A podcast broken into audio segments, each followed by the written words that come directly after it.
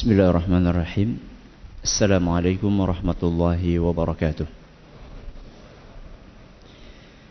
الحمد لله وكفى والصلاة والسلام على رسوله المصطفى وعلى آله وصحبه ومن اختفى أما بعد Kita panjatkan puja dan syukur kehadirat Allah Tabaraka wa Ta'ala. Pada kesempatan malam yang berbahagia ini Kita masih kembali diberi kekuatan, kesehatan, hidayah serta taufik dari Allah Jalla wa Ala. Sehingga kita bisa kembali menghadiri pengajian rutin malam Sabtu untuk mengkaji adab dan akhlak di dalam Islam di Masjid Jenderal Sudirman Purwokerto ini. Kita berharap semoga Allah Subhanahu wa taala berkenan untuk melimpahkan kepada kita semuanya ilmu yang bermanfaat sehingga bisa kita amalkan sebagai bekal untuk menghadap kepada Allah Jalla wa Ala. Amin. Salam dan salam semoga senantiasa tercurahkan kepada junjungan kita Nabi besar Muhammad sallallahu alaihi wasallam kepada keluarganya, sahabatnya dan umatnya yang setia mengikuti tuntunannya hingga akhir nanti. Para hadirin dan hadirat sekalian yang kami hormati dan juga segenap pendengar radio Insani via streaming di mana pun anda berada dan juga para pemirsa Yufi TV dan Surau TV yang semoga senantiasa dirahmati oleh Allah Azza wa Jal. Alhamdulillah pada pertemuan yang lalu kita sudah mulai membahas kandungan dari hadis yang kesembilan yang disebutkan oleh Imam Ibn Hajar al-Asqalani dalam kitab beliau Bulughul Maram Kitabul Jami' yaitu an Abi Hurairah radhiyallahu anhu qal dari sahabat Nabi SAW Abu Hurairah radhiyallahu anhu beliau berkata qala Rasulullah sallallahu alaihi wasallam Rasulullah sallallahu alaihi wasallam bersabda la tabda'ul yahuda wan nasara bis salam. Janganlah kalian mengawali mengucapkan salam kepada orang Yahudi dan Nasrani. Wa idza laqitumuhum fi tariqin fattarruhum ila atyaqihi. Kalau kalian berpapasan dengan mereka, maka persempitlah jalan mereka. Hadis riwayat Muslim. Pada pertemuan yang lalu kita baru bahas potongan yang pertama itu pun belum selesai yaitu tentang larangan dari Nabi SAW untuk mengawali mengucapkan salam kepada siapa? Orang Yahudi dan Nasrani. Kemarin kita sampaikan alasannya kenapa kita nggak boleh. Satu, karena Rasulullah SAW melarang. Karena Rasulullah SAW melarang. Itu alasan yang pertama. Alasan yang kedua, karena salam adalah penghormatan pemuliaan dan mereka tidak layak untuk mendapatkan itu. Yang ketiga, tujuan salam adalah menumbuhkan kasih sayang dan kita dilarang oleh Allah untuk berkasih sayang dengan mereka. Ini tiga poin yang kita jelaskan pada pertemuan yang lalu. Hari ini kita akan melanjutkan pembahasan tentang masalah salam. Kita belum akan membahas tentang masalah jalan tadi. Mempersempit apa? Jalan. Ini uh, kita akan bahas insya Allah pada pertemuan yang akan datang. Kita masih akan melanjutkan pembahasan tentang salam kepada non-muslim. Nabi SAW tadi mengatakan jangan kalian mengawali salam. Kira-kira ini hukumnya apa? Haram? Apa makruh? Apa ada perbedaan pendapat di antara para ulama? Nah, haram apa makruh apa bahkan boleh? Haram. Satu kata. Adapun yang disampaikan oleh Imam Nawawi rahimahullah, beliau mengatakan dalam sebuah dalam kitab beliau yaitu Syarah Sahih Muslim, beliau mengatakan wa fil mas'alati khilafun dalam masalah ini, masalah apa? Boleh atau tidak mengawali mengucapkan salam kepada non muslim khilafun. Apa khilaf? perbedaan pendapat di antara para ulama.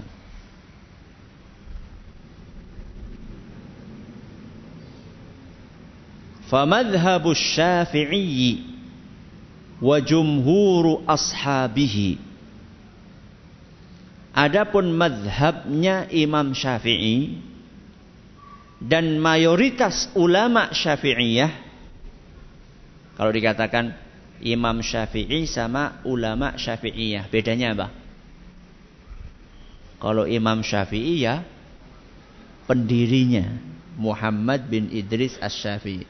Kalau ulama Syafi'iyah itu adalah ulama-ulama yang mengikuti madhabnya Imam Syafi'i. Kata Imam Nawawi, adapun pendapatnya Imam Syafi'i dan mayoritas ulama Syafi'i. Wa aktsarul ulama dan mayoritas ulama-ulama yang lain. Berarti bukan hanya ulama apa? Madhab Syafi'i. Beliau menukil pendapatnya Imam Syafi'i. Kemudian apa? Mayoritas ulama madhab Syafi'i dan mayoritas ulama yang lainnya. Berarti masuk di dalamnya ulama madhab apa? Hambali, Maliki, Hanafi. Mayoritas mereka annahu la yajuzu lil muslimi an yabtadi'a kafiran bisalam. Tidak boleh bagi seorang muslim untuk mengawali mengucapkan salam kepada orang kafir. Tidak boleh di sini kan masih haram apa makruh ya yang namanya tidak boleh kan bisa jadi haram bisa jadi makruh kata beliau dalam buku yang sama beberapa halaman berikutnya beliau mengatakan at-tahrim apa tahrim haram jadi kata beliau hukumnya haram dan inilah pendapat mayoritas ulama Loh tadi Ustadz katanya ada khilaf. Iya. Ada sebagian ulama mengatakan makruh. Kata mereka apa? Makruh. Jadi larangan dari Nabi SAW itu dipahami sebagai larangan yang sifatnya tidak tegas. Berarti hanya makruh saja. Dijawab sama Imam Nawawi, al-aslu fin nahyi tahrim. Yang namanya larangan aslinya itu menunjukkan apa? Haram, nggak boleh. Ya. Seperti kita bahas kemarin al aslu fil amril wujub. Aslinya perintah itu menunjukkan apa? Wajib. Kita kasih contoh dalam kehidupan ya. Bikin apa kemarin? Bikin apa? Nasi goreng. Masih ingat ya nasi gorengnya? ya, jadi kaidah perintah itu aslinya menunjukkan bahwa yang diperintahkan itu wajib, itu aslinya. Ini bukan hanya kaidah dalam agama, sampai kaidah dalam kehidupan. Ya, seorang majikan nyuruh siapa? Pembantunya bikin nasi goreng. Pembantunya nggak boleh memahami itu kan sunnah perintahnya. Harus memahami itu adalah wajib. Dalam larangan pun sama. Kalau ada sebuah larangan, contoh dalam Al-Quran Allah berfirman, wala taqrabuz zina. Jangan deketi apa? zina. Kira-kira ini haram apa makruh? Dekat-dekat zina haram apa makruh? Haram.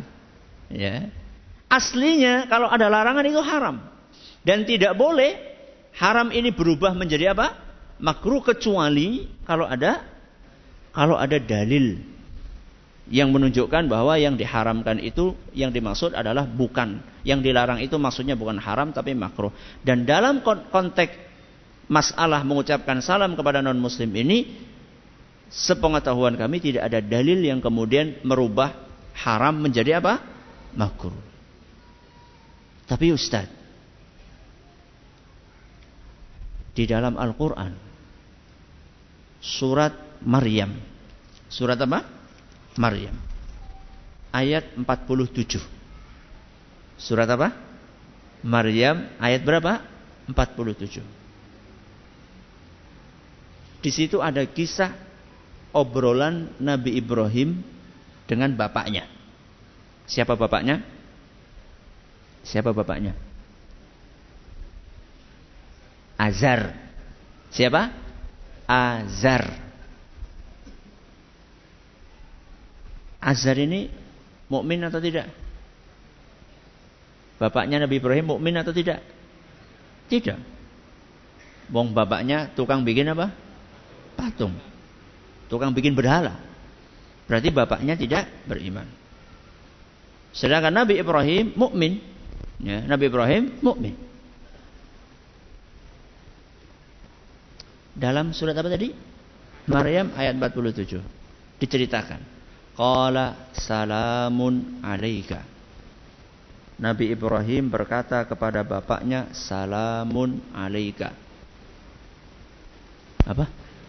Salamun alaika. Bapaknya mukmin atau tidak? Tidak. Bapaknya kafir. Nabi Ibrahim mukmin. Lah ini Nabi Ibrahim mengucapin salam sama bapaknya. Gimana coba? Boleh atau tidak? Boleh atau tidak? Nabi Ibrahim salah. Hmm, jangan sampai kita berpikir seperti itu. Nah, gimana coba? Ini Al-Quran loh. Ini Al-Quran. Piye jajal? Ada yang sebelumnya baca surat Maryam ayat 47? Pernah ada yang melewati ayat ini? Pernah? Belum biasanya mau khatam. Ya nukur liwat tok Gimana coba? Mau pakai Quran atau pakai hadis? Ya jelas pakai dua-duanya Ustaz. Terus gimana? Nabi SAW melarang salam kepada orang kafir. Nabi Ibrahim salam kepada orang kafir. Jamaah. Ketika kita membaca ayat dan kita ini nggak mudeng. Kita ini kayak gini. Salah satu tips yang dianjurkan sama ulama kita, kalau nggak paham coba lihat ayat sebelumnya. Kalau nggak paham juga lihat ayat sesudahnya. Kalau nggak paham juga tanya kepada ahlinya, yaitu para pakar tafsir. Kalau jenengan nggak paham, fawailul lil musallin. Cilaka wong sing salat. Kepriwe wis salat apa? Cilaka. Maka coba lihat ayat sesudahnya. Apa?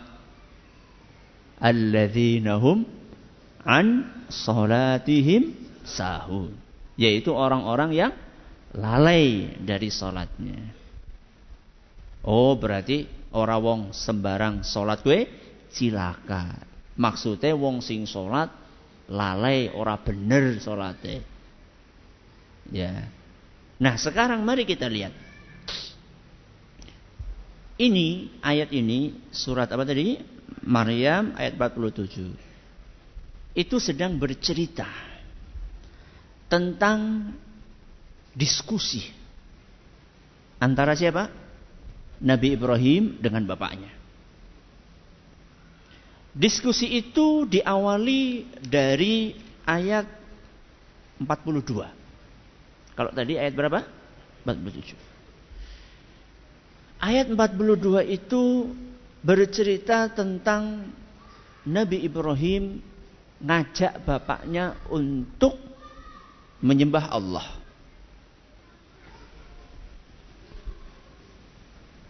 Kemudian Nabi Ibrahim membandingkan antara Tuhan yang disembah oleh beliau yaitu Allah dengan Tuhan yang disembah oleh siapa? Bapaknya. Tuhan yang disembah oleh bapaknya apa? Patung. Nabi Ibrahim mengatakan, "Ya abati, lima ta'budu ma la yasma'u wa la yubsiru wa la yughni 'anka syai'a?" Wahai bapakku, kenapa kamu sembah sesembahan yang tidak bisa mendengar, tidak bisa melihat, dan tidak bisa menolong sedikit pun dirimu wahai bapakku. Diajak untuk apa? Berpikir. Kamu menyembah sesuatu yang tidak bisa melihat, mendengar. Patung Gatot Subroto niku saged mireng napa mboten? Bisa dengar nggak? Bisa? Kalau bisa, nengok itu. Tapi sampai sekarang nggak nengok-nengok. Berarti nggak dengar. Berarti nggak nggak dengar. Diajak untuk berpikir oleh Nabi Ibrahim alaihissalam. Setelah itu kemudian beliau ajak diskusi lagi. Kemudian disentuh hatinya, bahai bapakku, ini akhafu an yamassaka azabun minar rahman. Wahai bapakku, aku khawatir kalau kamu tidak ikut jalanku, nanti engkau akan disiksa oleh Allah Subhanahu wa taala. Jadi Nabi Ibrahim itu mengungkapkan sayangnya. Saya ngajak seperti ini itu bukan karena kepentingan apa-apa, cuman aku khawatir wahai bapakku kalau kamu tetap bertahan di atas keyakinan nanti kamu disiksa sama Allah Azza wa Jalla. Apa jawaban dari bapaknya? Ayat 46. Araghibun anta an alihati ya Ibrahim. Apakah kamu tidak suka dengan sesembahan-sesembahanku wahai Ibrahim? Jadi bukan dibalas bagaimana dengan ilmiah enggak, langsung kamu benci ya dengan sesembahanku. La illam tantahi la arjumannak. Kalau kamu enggak selesai ngomong, kalau nggak kamu hentikan omongan kamu ini, tak rajam kamu. Jawaban siapa? Bapaknya. Rajam itu apa loh? Lempari batu. Wahjurni malia. Tinggalkan aku wahai Ibrahim. Dalam waktu yang lama. Jadi orang aku tinggal sedela tapi sing sing suwe. Baru kemudian Nabi Ibrahim mengatakan, Qala salamun alaika. Kira-kira salamun alaika terjemahan sing pas gue apa? Salam sejahtera untukmu wahai bapakku. Atau selamat tinggal wahai bapakku. Ndi kira-kira sing pas? Salam sejahtera atau selamat tinggal? Goodbye. Kalau kita lihat konteksnya, itu cocoknya adalah selamat tinggal. Salamun alaika bisa diterjemahkan salam sejahtera atau bisa diterjemahkan selamat tinggal.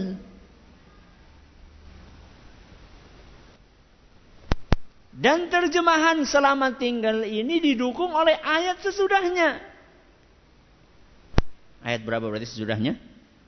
Ayat 48. Ayat 48 Nabi Ibrahim melanjutkan, "Wa a'tazilukum" Aku akan jauhkan diriku darimu. Ini apa artinya berarti? Pergi. Ya. Wa a'tazilukum wa ma tad'una min dunillah. Aku akan tinggalkan dirimu dan sesembahan-sesembahan selain Allah yang kalian sembah. Berarti salamun alaika di sini bukan ucapan selamat. Selamat penghormatan bukan. Tapi ucapan apa? Selamat tinggal. Biar lebih mantap lagi. Saya khawatir nanti wah itu kan penafsirannya dewek. Hmm. Saya bawakan perkataan Imam Qurtubi. Ahli tafsir Tadi kan saya sampaikan, nek orang mudeng ayat gue jajal ndeleng apa? Sebelumnya. Orang mudeng maning sesudahnya. Orang mudeng maning tanya pada ahlinya. Kita tanya sama Imam Qurtubi. Seorang pakar tafsir. Beliau mengatakan, wal jumhuru. Mayoritas ulama tafsir. Mayoritas ulama. Ala anna al-murada bisalamihi al-musalamatu allati hiya al-mutarakatu lat-tahiyyah mayoritas ulama menafsirkan bahwa yang dimaksud dengan salam yang diucapkan oleh Nabi Ibrahim kepada siapa? Bapaknya, sinten bapak eh? Azar. Ya, sinten? Azar. Salam yang diucapkan oleh Nabi Ibrahim kepada bapaknya Azar, menurut mayoritas ulama, bukan salam penghormatan, tapi salam selamat tinggal. Salam nopo? Selamat tinggal. Sedangkan salam yang dilarang oleh Nabi kita Muhammad SAW, salam apa? Salam penghormatan. Salam yang dilarang oleh Nabi kita SAW untuk kita ucapkan kepada non-muslim adalah salam penghormatan. Bukan salam apa tadi? Selamat tinggal. Dengan demikian, apakah ayat ini bertentangan dengan hadis Nabi SAW? Tidak bertentangan. Dan kebanyakan apa yang sering muncul di benak banyak orang, oh ayat ini bertentangan dengan hadis ini, rata-rata sumbernya karena tidak faham. Ya. Kalau paham, tidak akan mungkin ayat sama hadis apa bertentangan. Jadi kesimpulannya mayoritas ulama berpendapat hukumnya apa? Haram. Hukumnya haram dan insya Allah ini pendapat yang lebih kuat. Nah terus kalau kita ketemu sama mereka Ustadz, apa yang harusnya kita ucapkan? Priwe. Kemungkinan kan di dalam kantor kan kita ada apa? Ada non muslim, tetangga kita ada yang non muslim, betul? Betul. Teman di sekolah ada yang non muslim. Kalau ketemu sama mereka gimana? Woi, gitu? Apa gimana? Eh, bro, ya. Kata para ulama, kalau sekedar sapaan biasa tidak apa-apa. Sebagian ulama mengatakan kalau sekedar sapaan biasa tidak apa-apa. Contohnya apa? Selamat pagi. Terus? Gimana kabarnya? Terus? Udah makan belum? Arab ngajak apa? Piye kabare? Ya. Yang seperti itu nggak apa-apa. Ya, menurut sebagian ulama. Ada ulama yang mengatakan, "Duh, nggak boleh." Itu pun nggak boleh. itu pun nggak nggak boleh. Kenapa? Karena itu juga sapaan.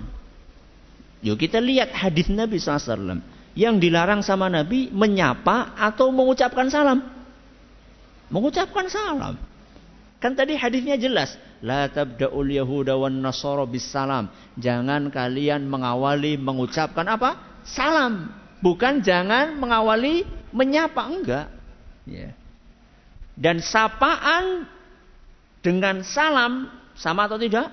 Beda. Salam itulah sapaan yang yang sangat istimewa dan kita sudah jelaskan kan pada pertemuan entah pertemuan yang berapa dahulu.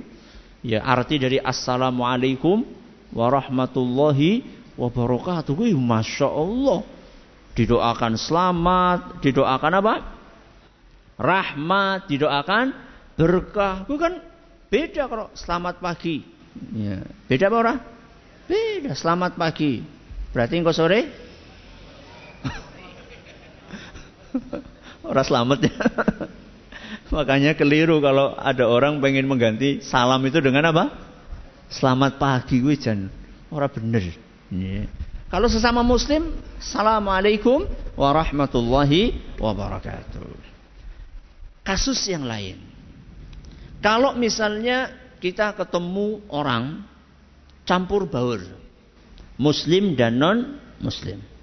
Contohnya seorang pejabat dia akan ngasih sambutan. Dan di antara hadirin ini campur baur. Lurah mau membuka sebuah acara sedangkan warganya ada yang muslim non muslim campur baur. Boleh nggak mengucapkan Assalamualaikum warahmatullahi wabarakatuh? Boleh. Kata siapa? Hah? Kata yang belakang. Yang belakang kata belakangnya lagi. Kata siapa? Kata ulama kita dan tidak ada perbedaan pendapat dalam hal ini. Alias ulama semuanya sepakat boleh. Tidak ada apa? perbedaan pendapat di antara para ulama dalam hal ini. Ijma sebagaimana dinukil oleh Imam An-Nawawi rahimahullah. Kenapa para ulama berijma? Karena ada hadis Nabi SAW yang menunjukkan bahwa Nabi SAW pernah melakukan itu. Dan tegas sekali isinya dan terang, gamblang. Hadis itu diceritakan oleh Usamah bin Zaid radhiyallahu anhuma. Usamah bercerita, pada suatu hari Nabi Shallallahu alaihi wasallam naik keledai. Naik apa? Keledai. Di tengah perjalanan naik keledai tersebut marra fi majlisin fihi akhlatun minal muslimina wal musyrikina abadatil awthani wal yahud Nabi sallallahu alaihi wasallam ketika naik apa tadi keledai beliau lewat di sebuah jalan di pinggir jalan itu ada sekelompok orang campuran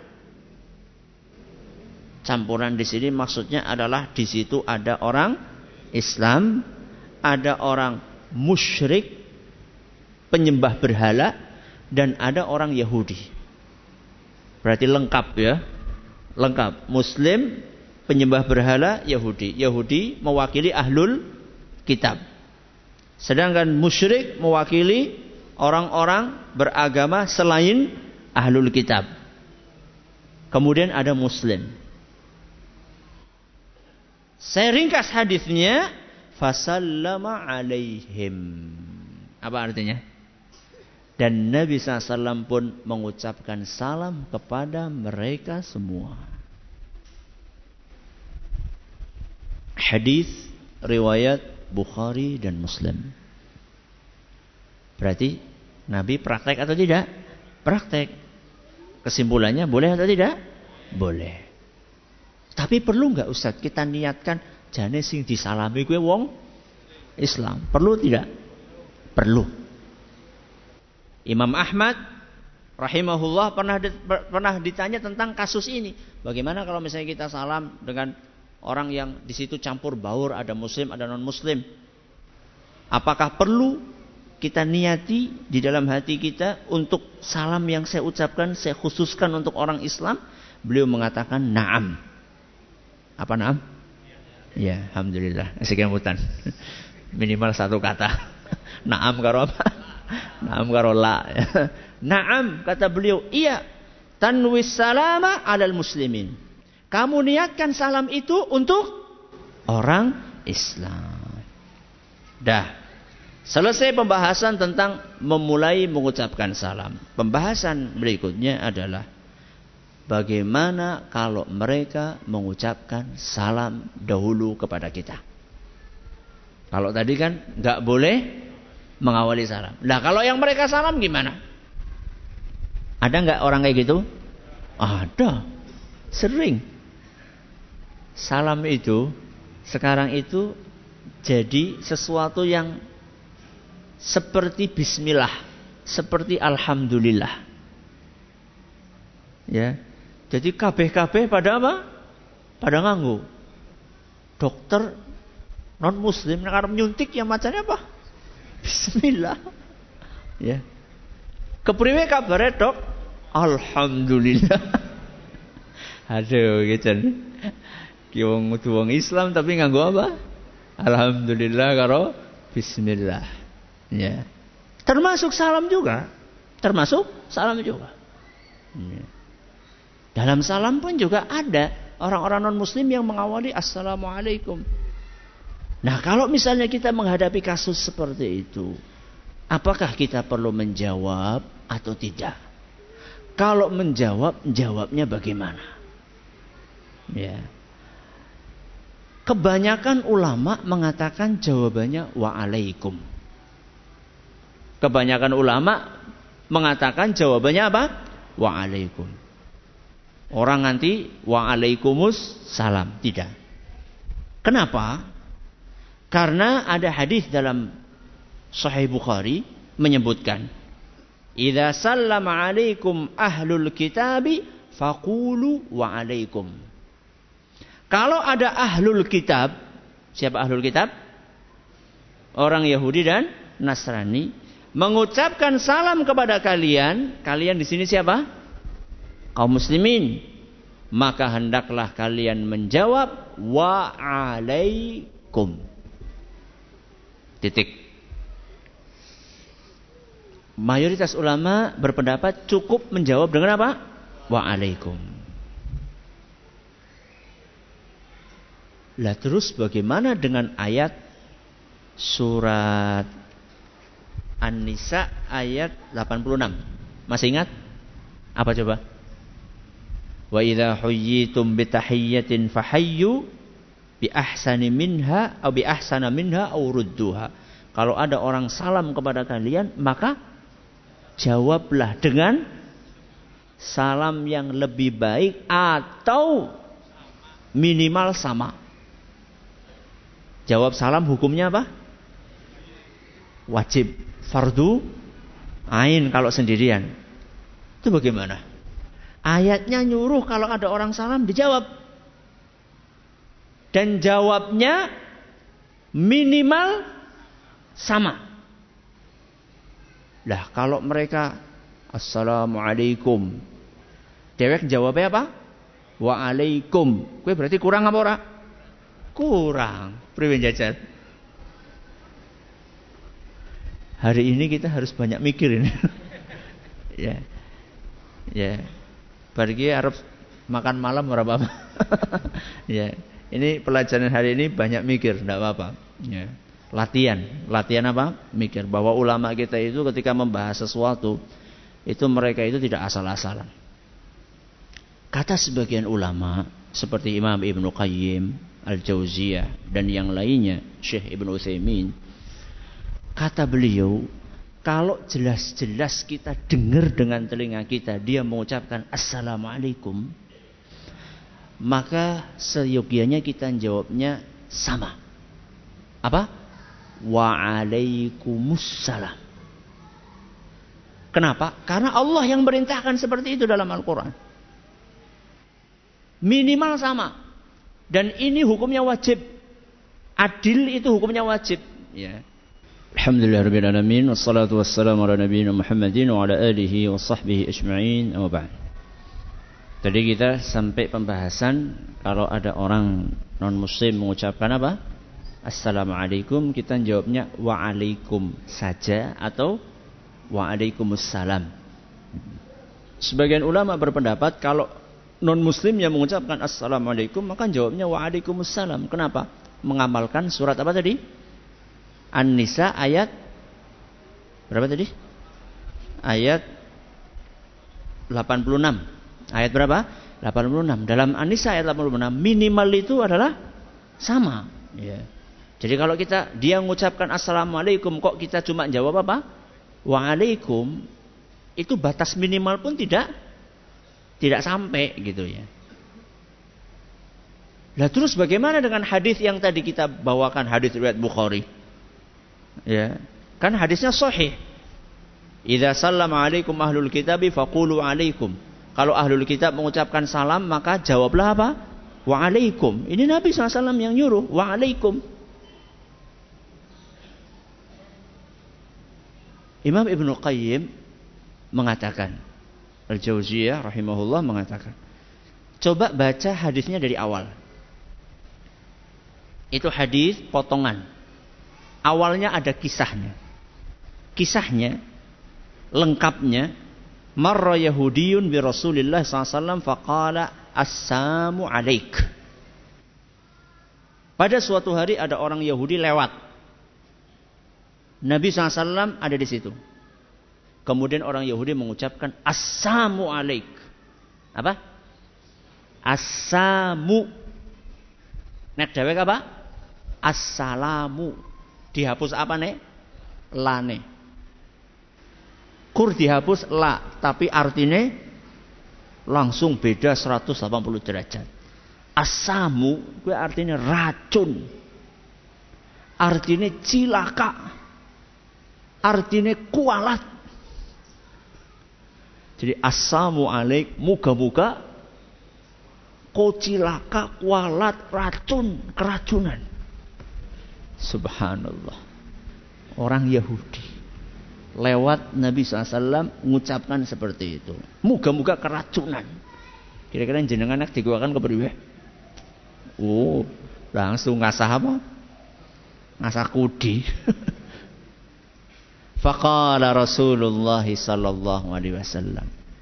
Maka Rasulullah SAW pun berkata, wa alaika. Apa? Wa alaika. Apa? Wa alaika. Pada-pada. Simple kan jawabannya kan? Tapi kan maksek. ya. Pada-pada.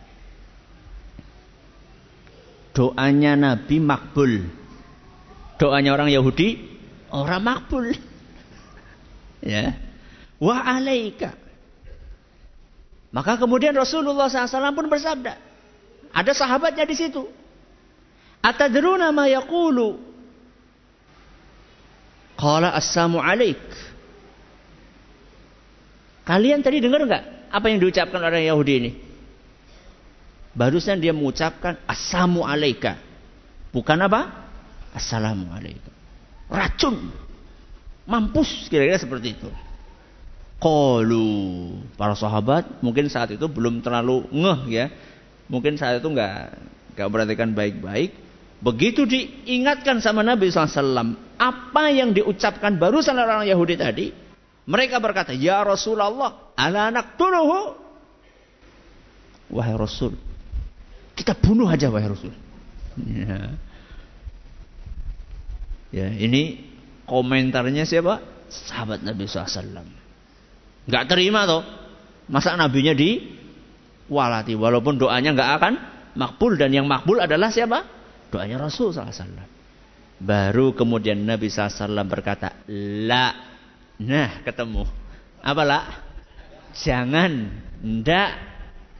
Baru beliau berkata, Idza sallama alaikum ahlul kitabi faqulu alaikum. Kalau ada ahlul kitab mengucapkan salam kepada kalian, maka jawablah waalaikum. Kata Imam Ibn Qayyim, hadis ini kan berbicara kalau ada orang non muslim salam kepada kita bunyinya assamu alaikum jawabannya waalaikum jadi kalau salamnya bukan asamu tapi salamnya apa Assalamualaikum. Berarti salam benar apa buatan benar? Benar. Maka ya kembali kepada ayat An-Nisa ayat berapa tadi? 86. Kira-kira alasannya kuat apa ora? Kuat. Makanya ulama itu ya, ini kaidah ya. Ulama itu ketika berpendapat itu ora ora sembarangan. Ya, itulah pentingnya kita terus belajar dan belajar. Lah terus ke priwe Ustaz? Arab waalaikum apa waalaikumsalam? Nggih monggo lah. Yang waalaikum juga ada dalilnya, yang waalaikumsalam juga ada dalilnya.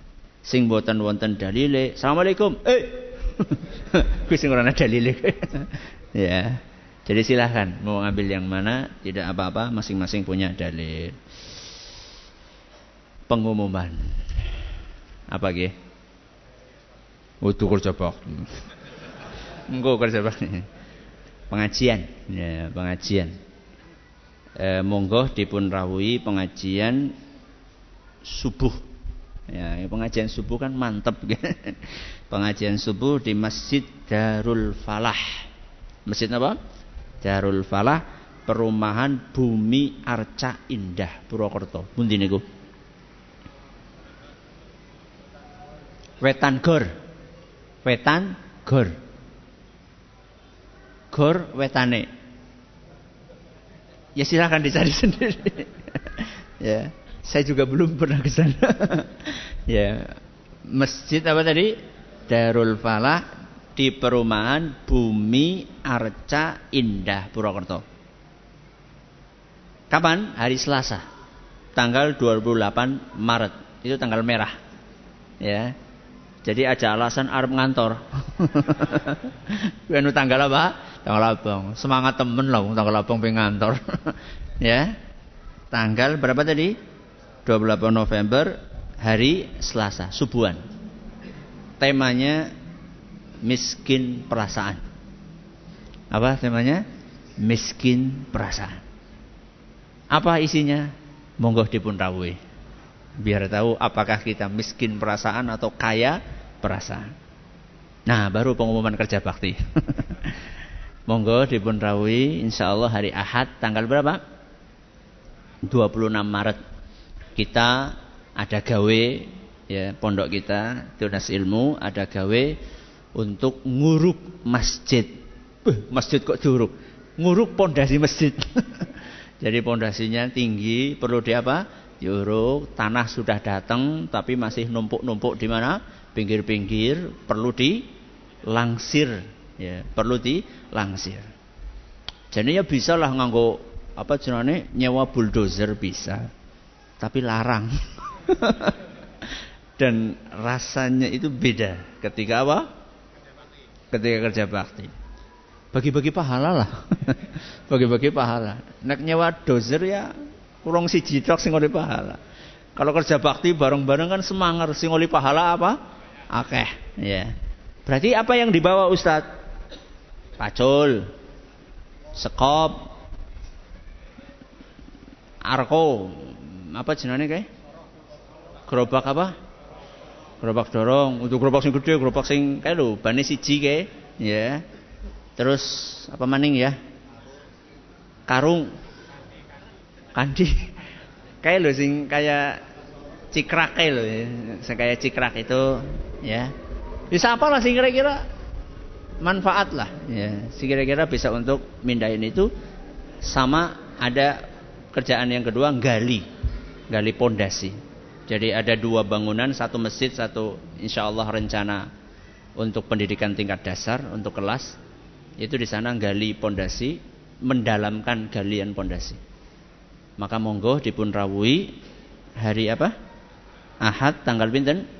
26 Maret. Berarti lusa. Insya Allah jam 7 pagi.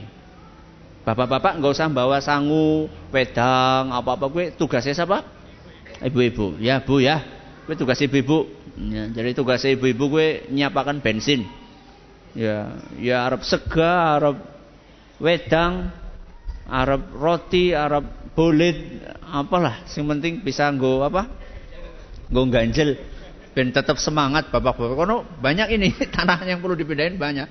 Ya, kalau asupan gizinya kurang, engkau semaput malah repot engkau. Ya, tanggal berapa? 26 Maret hari Ahad jam 7 pagi sampai selesai insyaallah mudah-mudahan cuaca cerah ya eh, panas ya aja panas banget ya kira-kira sing apa ya sedang lah. Maka jangan bawa topi supaya nggak terlalu panas. Ini yang dapat kami sampaikan.